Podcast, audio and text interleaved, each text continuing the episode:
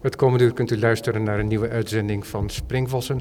Vandaag ben ik op bezoek bij Tim Ayers in de Art Chapel in Amsterdam, waar een nieuwe serie werken van hem te zien is, Road Movie, a painting in 14 parts. Tegelijkertijd zijn er nog twee andere presentaties van Tim Ayers. I'll Explain on the Way bij Roger Katwijk op de Prinsengracht en in Hallo. PS Project Space in Amsterdam-Oost, waar Quiet, Quiet, Quietly, quietly. Quietly, Quietly, ik heb het al verkeerd. Nee, dat is Ja, u hoort de stem van Tim Ers. Tim, dankjewel dat je me hier ontvangt in je grote presentatie. Graag in die gedaan. prachtige Graag gedaan. Welkom. ronde kapel. Ja? Misschien wel eh, leuk voor de mensen te horen of te weten. Dit, we zijn gewoon open, dus af en toe loopt iemand binnen en die moet verwelkomd worden. Dus eh, als af en toe eh, hallo eh, uit het niets komt, dan, Dan weten we waarom ja, dat is. precies, Ja. Ja. We hebben een mooi vantage point. We hebben uitzicht op Mhm. de hele serie, die circulaire gerangschikt is in deze mooie ronde kapel. Het leest van links naar rechts als je de door jou gegeven orde Met zou willen klappen, volgen, hè? maar je kunt het zien zoals je wilt, neem ik aan. Ja, ja, ja. Ja, een echte kruisweg of een 14 staties die hoort. Dus begint bij het begin en eindigt bij het einde. Ja. Het schijnt echt eh gevolgd te moeten zijn. En, en dan een katholiek die gaat genuflecting of eh, hoe dat mag heten in het Nederlands, ik weet het niet. Maar, ehm, Knielen. Knielen, of gewoon een crossing yourself of eh, een little prayer, eh, een ge- een gebed. Ehm, maar dat is voor mij geen verplichting of zo. Is, Ja. eh, maar het- ik heb wel van 1 tot en met 14 wel verzonnen. Dus er is duidelijk een volgorde. Maar, maar wij zijn Westerse en wij, le- wij lezen dan van links naar rechts. Maar een Chinees of een Japaner, die doet het dan andersom. Dus, De 14 Stations of the Cross, of de Stations of the Cross, zoals De dat bij Barnett. Newman heet, die kwam jij voor het eerst tegen toen je nog student was, toen je vroeg Ja. in de twintig was. Inderdaad, een eh, voormalig docent van mij, tevens nog vriend, een maatje van mij. Colin, eh, die had mij, en ik, ik weet niet van die omstandigheden helemaal, helemaal niets meer van af. Maar hij liet mij dus weten of zien in een boek van die Stations of the Cross van Newman. En ehm, dat vond ik dus fascinerend. Ehm, ten eerste als eh, dat beeldvorming, dat beeldverhaal, die kwam dus uit de katholieke kerk. En die vertelde dus dat verhaal van die laatste weg van Jezus ehm naar zijn kruising. Maar ook wel, wat doet dan een abstract expressionist Joodse kunstenaar in Amerika in de midden van de vorige eeuw met een katholieke beeldverhaal. Dus ik vond dat wel fascinerend. En, eh, en dan met zijn, op zijn Barnett Newmans, gewoon heel abstract, heel minimaal natuurlijk. Ja, hij noemde het zelf ook geen beeldverhaal. Nee, nee, Hij- nee. hij- nee, volgens mij heeft hij ooit ergens gezegd dat het de vraag is waarvan het antwoord altijd uit Precies. zicht blijft. Ja. Dus dat is, zou je kunnen zeggen, typisch zo'n existentialistische positie Oh, nou, absoluut, eh, ja, ja, uit, ja, eh, ja. uit het naoorlogse. Ja, absoluut. Dus, eh, de- dat was natuurlijk Newman. Hij was dan eh, heel existentieel bezig en humanistisch bezig. Omdat hij, hij zag zijn schilderij als een soort van verlenging van zijn lichaam, als niet zijn geest of eh, de algemene geest. Anyway, ehm, dus dat ging ergens in mijn hoofd boren en zitten en nestelen al die jaren. En daar is hij gebleven. En af en toe kwam dat omhoog en ik erover nagedacht. En eh, voor lange, tijd was hij in mijn hoofd ehm, een working title van eh 14 Stations of Somebody Else's Cross. Dus het hele verhaal van Jezus. En is, ik, ik wil ook wel zeggen, ik ben helemaal niet eh, religieus opgevoed. Ik ben zelfs echt atheïstisch eh, opgevoed. En ben zelfs niet gedoopt of zo. Maar natuurlijk als wij wonen in een westerse maatschappij en we zijn dus wel christelijk in onze maatschappij opgevoed. Dus daar is natuurlijk uh, kennis en uh, knowledge van wat, gebeur, wat gebeurde.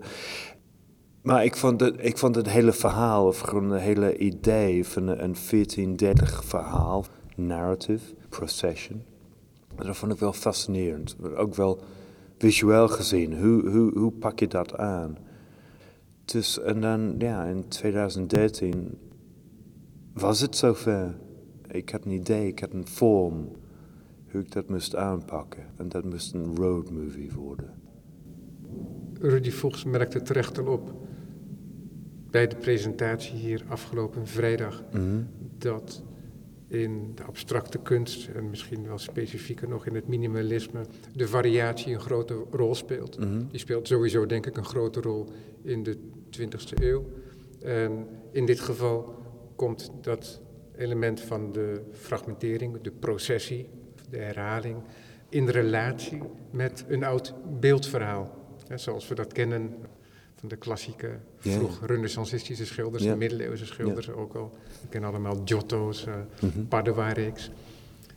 En in dit geval hebben we met een reeks te maken, maar het is niet specifiek een progressie. Ja, want heel vaak zijn die Stations of the Cross door meerdere kunstenaars aangevallen als motief. Mhm. Maar in dit geval is het niet per definitie zo dat het een progressie is. Nee, nee, het is niet een, inderdaad een progressie of een opstapeling of een, ehm, een ontwikkeling van, een, eh, van een, een, een, een motief, zeg maar. Maar de motief die, die is er en dat is op, op zich heel simpel een soort van gridvorm, wat ik al jaren heb gebruikt. Ja. Ehm, maar die is nooit in zijn, in zijn geheel te zien, zeg maar. Eh, zeg je dat, solide of gewoon eh, complete. Hij is gewoon elke keer als hij voorkomt, is, is hij dan gebroken. Of behalve in de eerste daar, daar is hij wel te zien, maar daar zit ook wel een element in wat aan elkaar valt of in elkaar valt. Ehm, Ja, we zien een doek, ehm, als ik hem heel Ja. een elementair kan beschrijven, die je als blauw eh, zou kenschetsen. Er zit eh, leven in het blauw, dus het is niet één strakke, Nee. egale kleur. En daarop is een raster. Langs de linker, rechter en onderrand is een brede, transparant witte lijn. En door het midden is er een horizontale lijn en dan zijn de andere twee helften, de boven- en de onderhelft, ook gedeeld met zo'n horizontale lijn. Zo te zien lijken de banden van gelijke breedte. En vervolgens is het ook zo dat er nog diagonalen doorheen lopen. Verschillende diagonalen te complex, denk ik, om onder woorden te brengen voor de radioluisteraar. Misschien maar er zit in ieder geval ook en dat is een belangrijke vorm daarin, denk ik, een piramidevorm in bijna. De top is precies zo'n hele mooie uitsparing, Mhm. waardoor er door een, soort mooie tegenvorm in blauw eh, ontstaat. Mhm. En dat is een element dat je veel terug ziet komen. En dat is een, een detail, zou je kunnen zeggen, maar dat is wel een, eh, een heel eh, sprekend detail. Ondertussen komen er ook eh, welkom, welkom. nieuwe bezoekers binnen. Ja, maar eh, dat werk, en dat heet Ed Zonnemeer. Het Zonnemeer. Zonnemeer, is dat in Zeeland? Ja, dat is in Zeeland en daar heeft dus eh goede vrienden van mij. Ze hebben een, eh, een huisje daar en ehm, daar mag het wel. eh, daar ga ik naartoe af en toe met hun. En, en het is gewoon een heel rustgevend, stille, serene plek. Heel mooi op de, de eerste Zeeuwse eilanden. Uh, Schouwen-Duiveland. En als het mij goed bijstaat, ik, ik was bezig met deze idee weer. En ik denk dat het heeft vorm genomen toen in Zonnemere. En ik dacht van, nou, het is een mooie, mooie plek om, te- om te beginnen met mijn road movie. En toen zag je hem ook al als in, ehm, laten we zeggen, niet antwoord, maar eh, wel geïnspireerd door die Stations of the Cross. Ja, zeker, ja. Zonder dat je dat werk van Newman dan te lijf gaat. Maar je bent geïnspireerd door die gedachten. Ja, en dat begon natuurlijk al die jaren geleden bij het kennismaking van Newman, of Newman's Take, uh, met die, uh, de stations. Maar ja, als ik op reis ben geweest, uh, dan ga ik wel even langs een katholieke kerk om even de, de 14 stations te bekijken en, ja. en over, te kunnen over nadenken. Dus het was altijd, maar het moest um, 14, 14 stages zijn. Het moest gewoon een 14-delig schilderij zijn. Dus voor elke schilderij een scene werd van een roadmovie. En dan, het, het kwam ineens helemaal bij elkaar. En dan, dus, uh, jij weet, is uh, in 2012, 12, ja, 2012 was ik zelf betrokken in een, een zware auto-ongeluk. Um, als passagier, we hadden een klapbaan, snelweg. We reden met 150 km per uur in een, in een Porsche. En ging dus, de auto ging alle kanten uit en we belanden dus in, in, in de veld naast de snelweg. Op de zijkant. En we moesten uit het auto klimmen. Um, en lang verhaal kort te maken, had ik dus een gebroken rug in drie plekken. Dus uh, ging naar het ziekenhuis, bla bla bla. Nou, dat hele ongeluk heeft mijn leven heel subtiel in een heel andere richting gestuurd.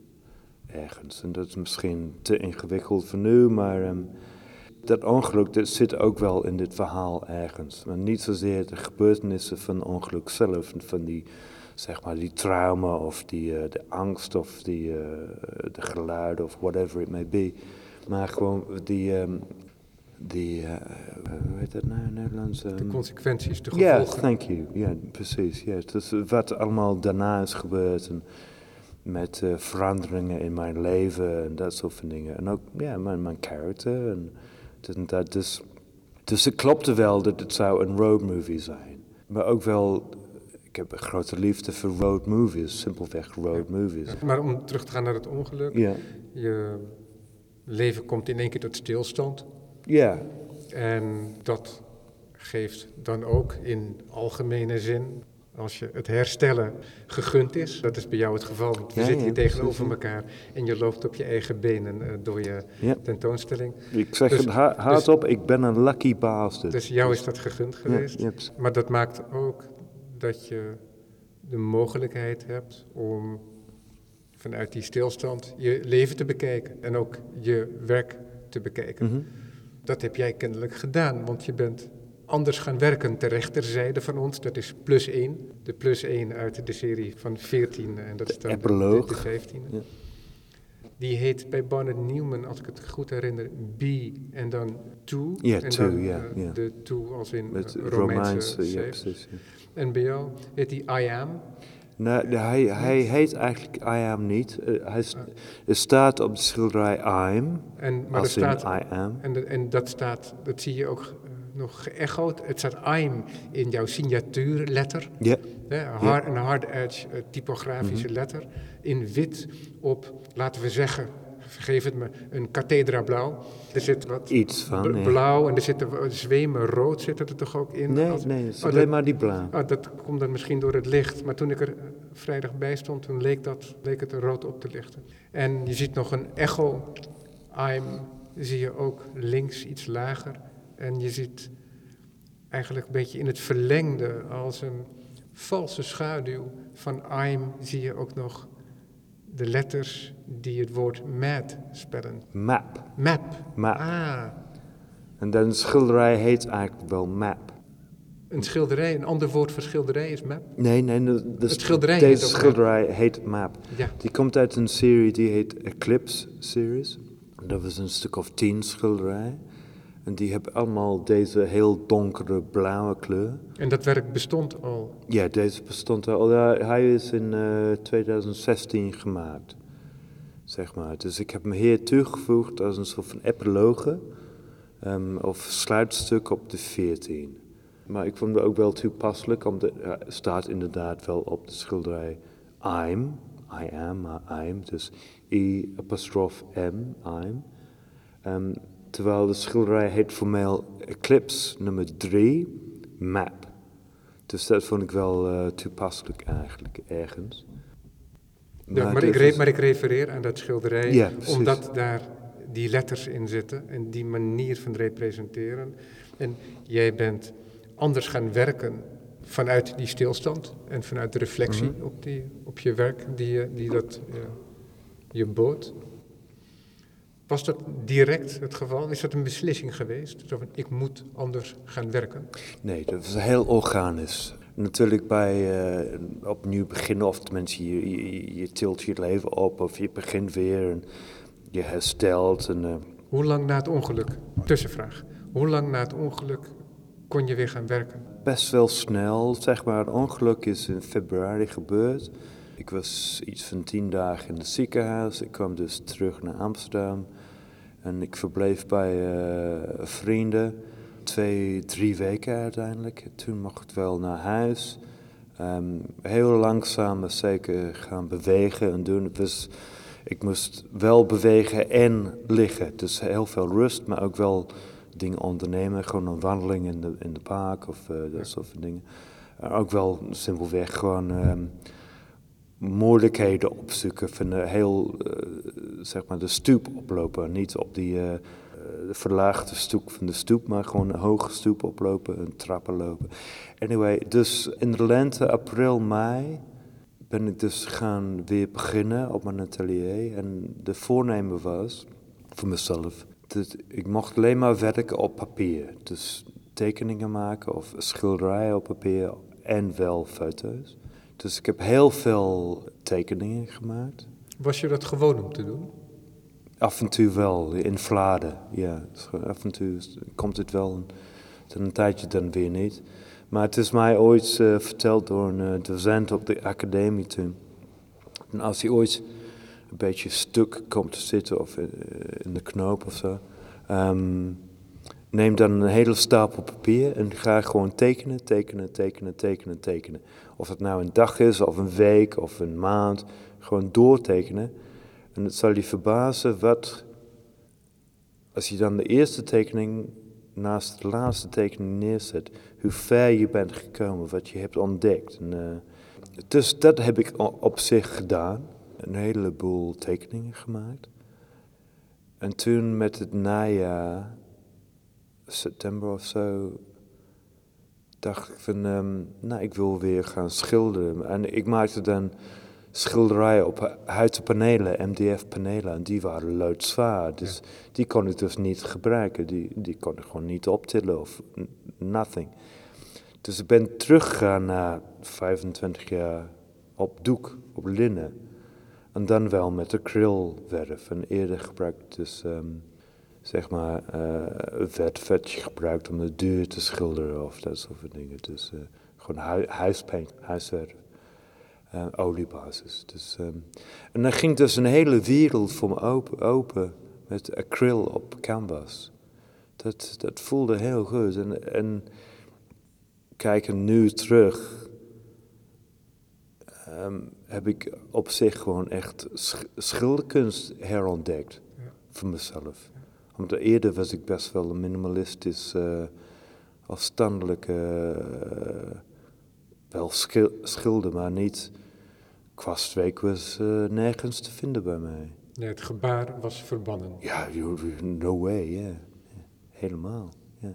En nu, nu zie je allerlei bewegingen. Ja, en, en, dus, daarom refereerde ik aan die schilderij ja, dat dan oorspronkelijk... Maar het is niet overnacht gebeurd. Het is, het is echt over, ja, is inmiddels zeg maar vijf jaar uh, zich ontwikkeld.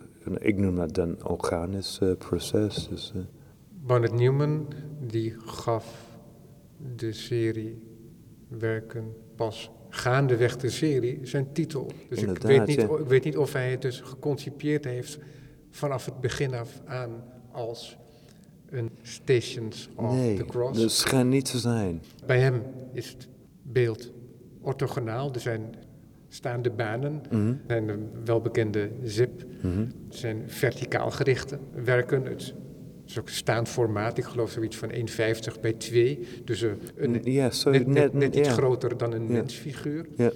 Bij jou is het merendeel, uh, zijn het uh, liggende Mhm. beelden met af en toe in een verspringend ritme, een, een staand werk.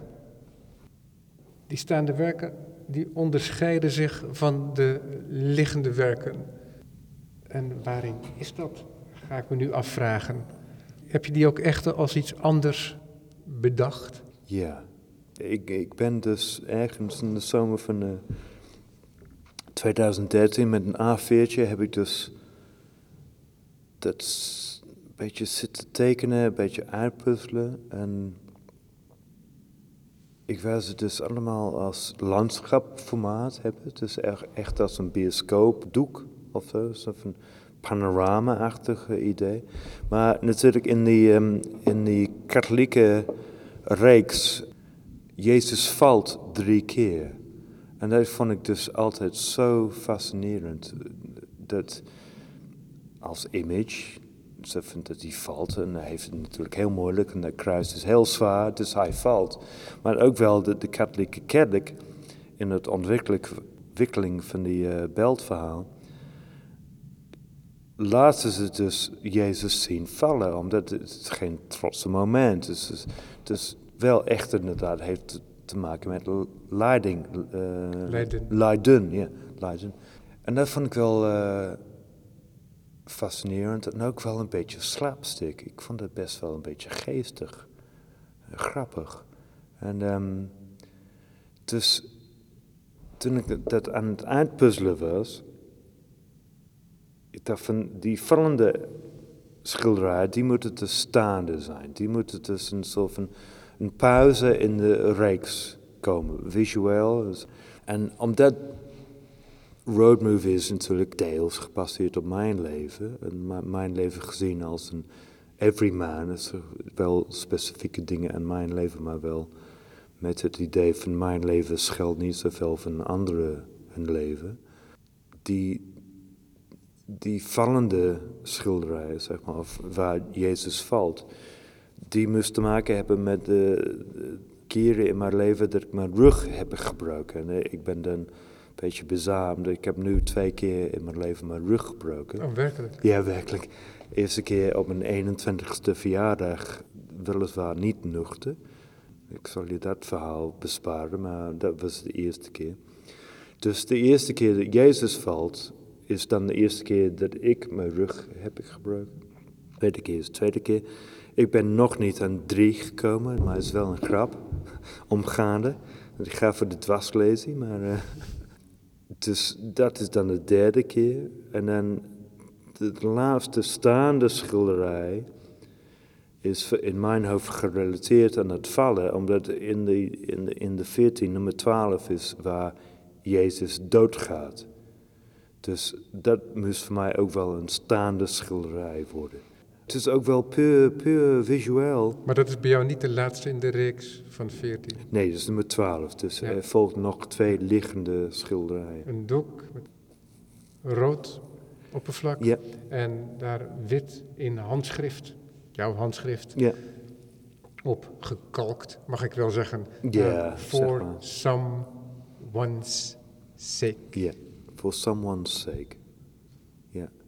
En daar zit een eh, verhaal achter, en in het uitpuzzelen. En wat ik probeerde te doen was in mijn verhaal, in de road movie, elke schilderij, hoe licht dan ook, ehm, te relateren aan die bestaande katholieke image. Dus eh, dat Jezus valt, die drie keer, ehm, bijvoorbeeld in nummer 6, in Engels is ehm, Veronica wipes the face of Jesus with a cloth. Is number 6. Nummer 5 is Simon de helpt Jezus met het dragen van de kruis. Ehm, nummer 8 is Jesus sees the women of Jerusalem. Quite bizarre, heel abstract, maar dat gebeurt.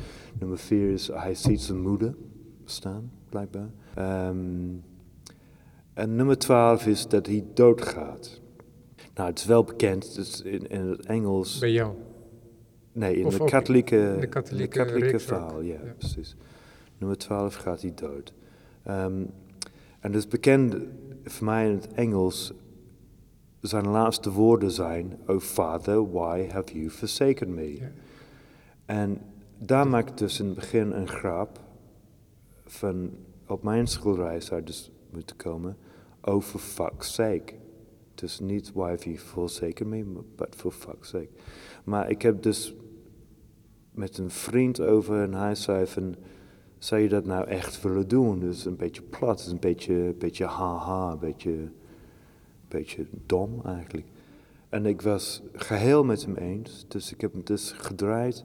Ik heb het wel werkelijk eerst op het schilderij geschreven voor fuck's sake. Die is wel nog heel subtiel te zien. Maar dan overheen geschilderd for someone's sake. En dat is een soort van mooie sluiting toch wel van... Omdat als je daarin gelooft, dat Jezus is wel gaan lijden en uh, gestorven voor someone else's sake. Ja, for mankind op zich. Dus, uh, dus dat, dat, dat, dat vond ik wel toepasselijk bij uh, deze schilderij. Dus geen grappen maken. Ja. ja, je noemde al het woord alleman. En in die zin lees ik Jezus eigenlijk altijd zelf als, Als de, als, alleman, als de ja, alleman. precies, ja, het is nu makkelijk om te zeggen de- de- over Jezus, omdat we hebben over een bestaande verhaal. Precies. Natuurlijk uit de katholieke kerk. Wat ik dan, ehm, wat hier dan uit voort lijkt te komen, is dat er enerzijds nog steeds wel dat verband is met het christelijke verhaal. Mhm. En ik merkte net al kort even op dat bij Barnett Newman, dat is geen uitbeelding van het verhaal. Nee, het is meer formeel. Het is, het voor- de- precies. En als er al iets in zit, dan is dat bij hem een soort filosofische, existentialistische vraag. Mhm. En bij jou lijkt het wel verhalende elementen, hè, die gebruik jij toch wel. En zitten er ook verhalende elementen in met betrekking tot jouzelf? Dus, dus die niet naar de alleman, de christelijke alleman-versie wijzen, maar naar het leven van Tim Ayers Ja, zelf. deels. Ongeveer de helft. Even denken. Maar als je even, even terug over de christelijke e- element, of de Jezus-element. Ik bedoel, hoe dan ook men dat ziet, is de hele christelijk en ook wel de moslim, neem ik. Het, is, het gaat alleen maar over de mens, menselijkheid. Of existentiële dingen, van hoe wij met elkaar v- verkeer omgaan. Ehm, ben je een goede iemand, ben je een slechte iemand? Ik bedoel, daar heeft natuurlijk een Koran of een Bijbel overheen gezet. Als een soort van hoed of een tak. Maar ze blijven gewoon, gewoon menselijke verhalen. Van, ja, wat ik zei, hoe, hoe je met een andere omgaat. Ehm, en dat vind ik dus simpelweg van belang. Dus ik zie mijn reeks als menselijk. Dus ik kan alleen maar mezelf nemen als een alleman, een everyman. En dingen laten zien van mijn leven, maar tot betrekking tot everybody, denk ik. Maar er zitten wel specifieke dingen uit mijn leven in. Uit Zonnemer, ik bedoel, dat, dat komt echt uit mijn verhaal. Ja, en dan scene 2, on to Travis by way of Beaufort West. Ja, maar die is wel, eh, die is echt verzonnen. Het is niet een, sommige zijn verzonnen, sommige zijn gebaseerd eh dromen of de- het wensen, het willen van. A strain of melancholia in Shropshire. Maar dus, dat is echt five. werkelijkheid. Dat is echt de werkelijkheid. Ik kom uit Shropshire. En ehm het schijnt de mensen die komen uit Shropshire in Engeland, ehm, eh, die hebben een bepaalde vorm van melancholie. Anders genoemd depressie, is mij verteld. Maar Shropshire is ook wel een, een hele mooie plek. Dus zo'n county in de midden van Engeland. Heel mooi, heel mooi. Heel mooi. Waar jij je jeugd hebt doorgebracht. Precies, tot mijn 19 zo ongeveer. ja. Die Travis 1, nummer 2, ik wil dat even vertellen, omdat een van die, eh, ik denk, eh, de, de, de hele road movie ding, er kwam ineens een, soort van menging van. Er is een nummer van een band die heet um, The Shouting Matches. En is een nummer die heet Gallop NM. En die, die nummer, die lied, is gewoon simpelweg een road movie in een song. Het is geweldig, heel mooi, heel mooi nummer. En hij vertelt het verhaal uh, dat hij daar was geweest. In, in uh, plekken staat me niet meer bij. En ik dacht van, hé, hey, dat is geweldig. En ik heb ook wel, rond die tijd heb ik dus um, alweer voor de zoveelste keer Paris, Texas gezien. Dat is een van mijn lievelingsfilms. En is ook Wenders met de net overleden Harry Dean Stanton. Precies, Harry Dean Stanton. Um, en Paris, Texas is ook een road movie. Wel een, een aparte versie, maar uh, denkend over wat ik elke scène wou dus laten zien of aan refereren of zo. Um, er moest één komen die, waar ik, zogenaamd ik, naar Travis naartoe ging. En Travis is dan de, na de naam van de karakter van Harry Dean Stanton in die film. Maar het schijnt dus dat Travis bestaat echt als een plek in Texas. Kijk. Dus dat was gewoon een heel mooi ronde verhaal. En die boven het west, daar woont, of woonde toen, um, een, een dichter, Gert Flocknell uit Zuid-Afrika. En hij is een van mijn lievelingsdichters. Dus uh, ik wou even refereren aan Gert, dat ik in mijn fantasy, ik ben er nooit geweest, dat ik naar, naar uh, Gert toe ging. Ja, als ik naar het schilderij keek, dan zou je kunnen zeggen dat het een variatie is op het eerst beschreven werk. Ja. En dat werkt dan met klassieke elementen die we ook uit de muziek kennen, omkeringen en uh, spiegelingen. Mm -hmm. uh, dus al wat het abstracte en uh, de variatie vermag. Je introduceert nieuwe kleuren. Je haalt een aantal elementen mm -hmm. ook weg. Dus enerzijds maak je hem gecompliceerder door met meerdere kleuren te werken. En anderzijds vereenvoudig je hem door met name de horizontale lijnen weg te laten. Maar de lijn ontstaat weer doordat de twee kleurvlakken tegen elkaar worden mm -hmm. gezet. Dat is een formalistisch spel, maar die referentie aan die favoriete Zuid-Afrikaanse dichter en dat verhaal van Harry Dean Stanton in Paris, Texas, op wat voor manier spelen die een rol in het schilderij of in het schilderen? Bestaat dat? Dat is natuurlijk heel moeilijk om terug te vinden in de schilderij, omdat ik heb natuurlijk een, een anekdotisch verhaal achter de schilderij de uitleg van de titel. Maar wat ik simpelweg wou schilderen in die schilderij, is een, een, gevoel van hitte. Van de hitte van een, van een, een desert, van een woestijn.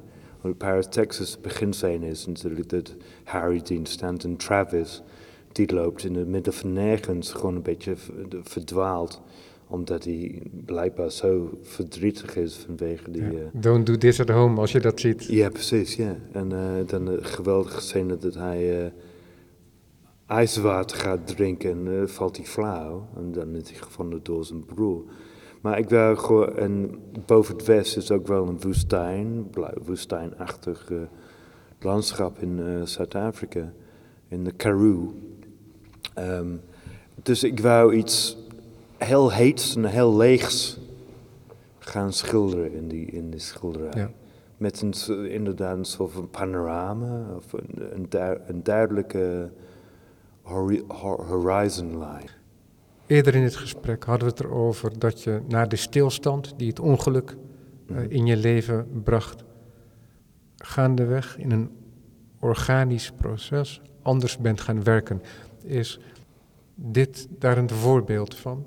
In die zin dat ja. er een titel is, dat er een reeks van associaties om zo'n werk heen zitten, maar die ook in zekere zin toch ook een uitbeelding krijgen in het werk. Is dat een van die nieuwe elementen of gebeurde ja. jou dat daarvoor ook al? Nee dat, nee, dat gebeurde wel eerder, maar die was veel, uh, zeg dat, um, veel meer compact of sneller. Het gebeurde sneller. Met de eerdere manier van werken was, um, drie, vier lagen verf. En toen was er kleur en toen kwam dus de verbeelding of de motief erbovenop. En de twee lagen en klaar wegwezen. Maar in vele van deze schilderijen, dus deze in dit geval waar we nu naar kijken, nummer twee, um, daar zit echt zeker iets van 40 lagen verf overheen. Om die kleur te krijgen. Um, ehm, 40, misschien net te veel, maar zeker 30. Ik heb één, nummer 1 heb ik eerder gemaakt. En die was inmiddels verkocht, dus ik heb nummer 1 opnieuw gemaakt, een, een different version. Maar de eerste nummer 1, ik heb zelfs geteld, is 48 lagen verf overheen. En de tweede versie? Ja, wel zeker 30 of zo. En komt dat dan omdat je economischer kan zijn, omdat je al weet waar je naartoe gaat? Ik wil een bepaalde intensiteit van kleur hebben. En uh, met de oude manier van werken, die kleuren, die, die, die, die waren anders. ik wist helemaal niet, sorry dat ik je onderbreek, maar ik wist helemaal niet dat dat kon met acrylverf. Dat je de dat je, dat je, ja, maar dat je de intensiteit kunt verhogen. Ik dacht dat het na drie lagen uh, gewoon dicht zat. Nee, dat hangt, dat hangt van de verf af. En, uh, sowieso een, een opake verf, die ga ik dus aanlengen, verdunnen, dat die meer transparant is. En dan, dan gaan werken, dan die lagen dan brengt dus en dan, Dus dan behoudt het toch wel transparantie. Ja, precies. En je, men doet uh, mediums doorheen. En die lengt het ook wel aan. En uh, dat soort van dingen. Dus uh, ja, het is niet twee lagen een wegwezen. Ja. Het is, uh, ja, want dat was ook bij Newman. Die werkte met acryl. Dat is dan wel een acryl op oliebasis volgens mij. Ja, Magna. Ja. Is weird. Ik ken dat verf niet. Maar ja. het was misschien een voorganger van die... Um, hoe heet dat? Die spoel nou... Um, ja, de, de olieverf op waterbasis. Ja, weird. Ik ken het dus niet, maar... Uh... Ja, dus dit is dan een acryl op oliebasis. Of zoiets. Maar mijn is gewoon acryl, gewoon ja. waterbasis. Ja, en dat, dat leng je onder andere aan... Met een medium? Met een medium, ja, maar precies. ook met water. Ook met, met water. En uh, dan moet men een klein beetje wetenschappelijk te werk gaan. Omdat mensen denken dat je gewoon acryl kan gewoon aanlengen tot, tot met, met water. Maar het schijnt dus als, als je te ver gaat, dan breekt dan die uh, molecule structure van het verf breekt af en dan heb je een unstable painting surface. Ja, dus, dus je moet een beetje voorzichtig mee. Dus je moet dan mediums gaan gebruiken. Om dat verder te, te verdunnen. Dus ik maak gewoon liters van die verf en gewoon de hele dag uh, schilderen. Is dat fijn om met een nieuw materiaal te werken? Heerlijk. Echt. Ik ben echt helemaal weg van. Verliefd op. Ja. Ik heb echt, echt, ik, ik kan, het, kan het niet uh, sterker vertellen. Ik kan het heel moeilijk beoordelen omdat ik je vroegere werk maar ja. sporadisch heb gezien, mm. her en der één werk. Is jouw kleurgebruik ook veranderd door nee, jouw nieuwe niet. werkwijze? Die is gelijk nee, gebleven. Ik heb altijd de neiging om heel sterke signal colors te gebruiken, signaalkleuren. Dus ik ben niet van die, uh, van die pastels of zo. Ik ben echt van sterke kleur. En ik meng nauwelijks. Gewoon altijd uit de tube. Of pot, in mijn geval. Een tube is nooit genoeg. Het een pot, pot, pot zijn. En als je in die lagen werkt, dan werk je altijd in lagen van dezelfde kleur. Ja, ja, ja. Niet altijd, maar heel vaak. Die gele daarachter, nummer 8, die is wel gemaakt uit twee verschillende gele. Dat is een liggend geel schilderij waar, uh, waar een roodzweem in lijkt te zitten weer. Ja, nee, het is eigenlijk wel een ander geel. Het is, uh, het is een felle geel, het is een citroengeel met dan een ietsje warme uh, cadmiumgeel overheen. Ja. En um, het motief wat op die achtergrond uh, zit, dat is een diagonaal. Laten we zeggen, als we dan van links naar rechts lezen, van linksonder naar rechtsboven. Maar dat is niet een lijn, maar dat zijn horizontale balken die van linksonder helemaal naar rechtsboven lopen en de onderste en de bovenste vallen dan samen met in de hoek, in het hoek van het schilderij en met de, respectievelijk de onder- Mhm. en de bovenrand. En dat zijn balken van 50 centimeter ongeveer. Nou, even denken, 225 gedeeld door 5 is eh 40 nog wat. Ja. Zoiets. Ja. En die sluiten aan met elkaar. Dus even, eh, waar de een eindigt. Ja, als je, als je ze ja. allemaal op één Ja. niveau zou zien, dan zou er een zwarte lijn ontstaan. Precies, ja. ja. Of een zwarte balk, zo je wilt. Want de balkjes, die zijn... Dat is een forse maat, net zoals het eerdere wit wat ik in een eh, zag. Precies. 5 centimeter breed. Is dat een, kwa kwastbreedte? Nee, nee, het was meer gewoon puur gevoel, intuition. Van hoe breed moest die balk steeds zijn. Ik kwam uit op, het is vijf, het is vijf, vijf centimeter. En Ja. ontwerp je dat eerst als tekening of doe je alles op het doek? Nee, het is allemaal, eh, elke schilderij heeft minstens één tekening daarvoor. Daar is die uitgetekend. En die heb ik dus op de muur gehangen als reeks in één lijn. Ja. Van hoe het zal eruit zien. Maar ook wel kleurstudies en, eh, en aantekeningen en titelaantekeningen. aantekeningen Ja. Dat soort van dingen. Dus, En eh, ehm, het eerdere had je het al over de, de doek van Veronica, mhm. die uitgewrongen Ja. wordt. En dat heet bij jou, dat is scene 6, Wrung Out in Emmaville, NSW. Ja, New South Wales, Australië. Ja, ja dat, is een, dat is een element van mijn, van mijn echt mijn leven. En dat verhaal, anekdotes of autobiografisch, eh, volgt. Eh, mijn jongste zus, die heet dus Emma. En we waren heel dicht bij elkaar. al ons leven. En in 2010 hadden we blijkbaar ruzie. Over wat, weet ik niet. Maar zij verdween uit mijn leven. En ze woont in Australië. ehm, al jaren. En ik kwam dus nooit achter wat, wat er gaande was. En, eh, dat, deed, me- dat, dat, dat, me wel zeer. Ik eh, dat vond ik echt niet fijn. Dus ik wou daar dus een schilderij over maken. En dan, dan lig, zit ik, of lig ik zelfs, op mijn atelier af en toe. En ik ga gewoon een beetje kijken op Google Earth. En ik was benieuwd van, is er ooit, is er ergens ter wereld een stad die heet Emmaville of Emmersville?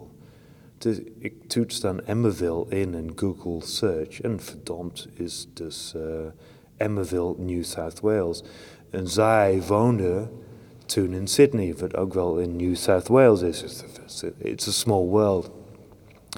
Dus ik heb dus dat idee van Veronica, die, die, die, die, die, die maakt Jezus zijn gezicht droog met die, met die eh, doekie.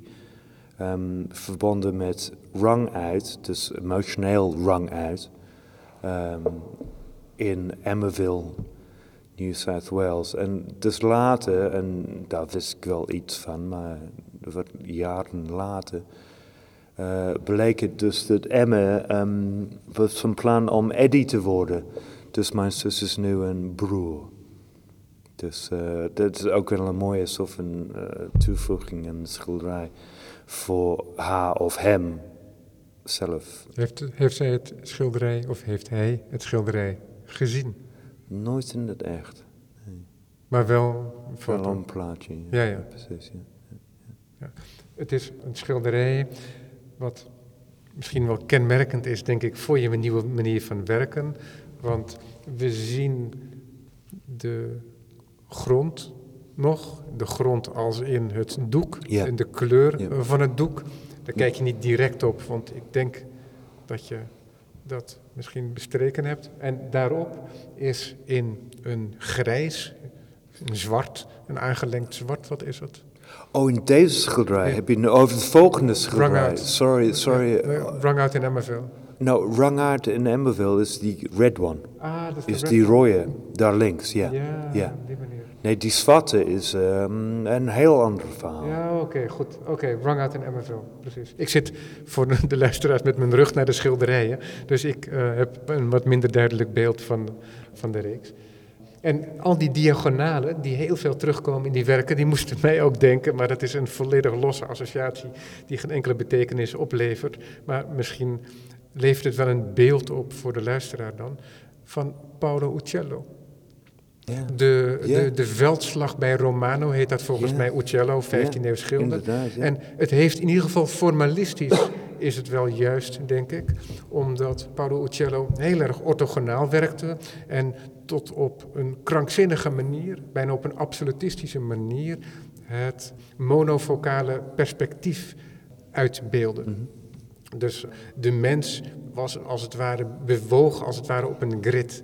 En dan zie je ruiters te paard, je ziet soldaten en heel veel lansen. En dus enerzijds is het zo dat die vlakverdeling, die, die strengheid daarvan, ook terugziet, die vlakken in jouw werk. Met, van mijn part met de verdwijnlijnen erin, als deel van het motief. Mhm. En anderzijds dat die diagonalen, die toch een verontrustend motief vormen ook. Omdat er mhm. heel veel dynamiek in zit, ook herhaald wordt in die schilderijen. En dat is dan ook, denk ik, een soort aankondiging voor de chaos van de strijd. En dat is een drieluik van die Paolo Uccello dan. En, maar goed, daar moest ik aan denken toen ik... Ja, met het maken van een schilderij. Ik heb er inderdaad heel af en toe dat die schilderij door, door mijn hoofd gegaan. Zonder, het was nooit mijn bedoeling om uh, de Uccello opnieuw te maken. Of ik was niet geïnspireerd door ja. Maar toen met de maak van die, toen me denken aan die Uccello schilderij. Inderdaad met die, ja. hoe heet nou, die stokken, die, die de staafs. Die, ja, de lansen. De lan ja, de lances, ja, in het Engels. Ja, lances, ja. Dus, uh, nee, jij hebt dus over die andere, die met een beetje, nou, mag jij wel uh, beschrijven? Ja, want het daarvan valt de titel hier weg. Dat heet dan uh, Scene 7 is dat? Oh ja, yeah. dan, um, Scene 7 is dan the second time. En dan tussen haakjes um, Frankfurt am Main, Germany. Ja. Eindhaakjes. Ja, want wat daar opvallend aan is, is overal zien we uh, een, een, duidelijke basiskleur. Het is niet zo, wat ik al eerder zei, dat het helemaal strak opgebracht is, want je ziet variaties in het oppervlak. Maar dat schilderij, dat gaat helemaal los in het tonen van de kwast en mhm. laten we zeggen de, de zoekende en de reizende hand. En dat is bijna het vieren van het plezier van het gebaar, van de kwast in de verf. Mhm. Ja. Zonder dat er iets afgebeeld wordt in directe zin. En dat is dan aangebracht op dat naakte linnen in een aangelengd zwart misschien. Het is een, eh, een heel bijzondere mooie verf van uh, golden. En die heet Micaceous Iron Oxide. En het schijnt echt um, een stof van ijzer te zijn. En die zit dan in een medium of zo. En die heeft een klein beetje glimmen, zo'n glint.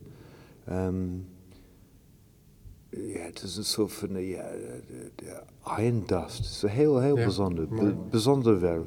En die is wel aangelengd om het te verdunnen en wat meer transparant uh, te maken. En dat oppervlak, dat woelige oppervlak, dat toont, dat is eigenlijk de achtergrond maar het toont het alsof het de voorgrond is, weer dat motief van nou ja, de lansen of het kruis, maar in ieder geval van de diagonalen. En die tonen dan weer uh, de kleur van het doek en die zijn uitgespaard. En dat is een klassiek schilderkunstig principe van het spel van de voorgrond mm-hmm. en de achtergrond. En dat schilderij, dat toont iets wat je jarenlang hebt onderdrukt. Namelijk oh, dat, dat gebaar. Ja, dus ik, ik, ik, durf te zeggen uh, dat die schilderij was echt het loskomen van, van mij. Zo van alles gewoon, alles wat eerder gewoon weggestopt was qua schilderen en druipels, druppels en uh, kwaststreken. Dat mocht allemaal vrijkomen in de schilderij. En dus misschien niet zo toevallig, maar die schilderij gaat in mijn hoofd echt over de auto-ongeluk.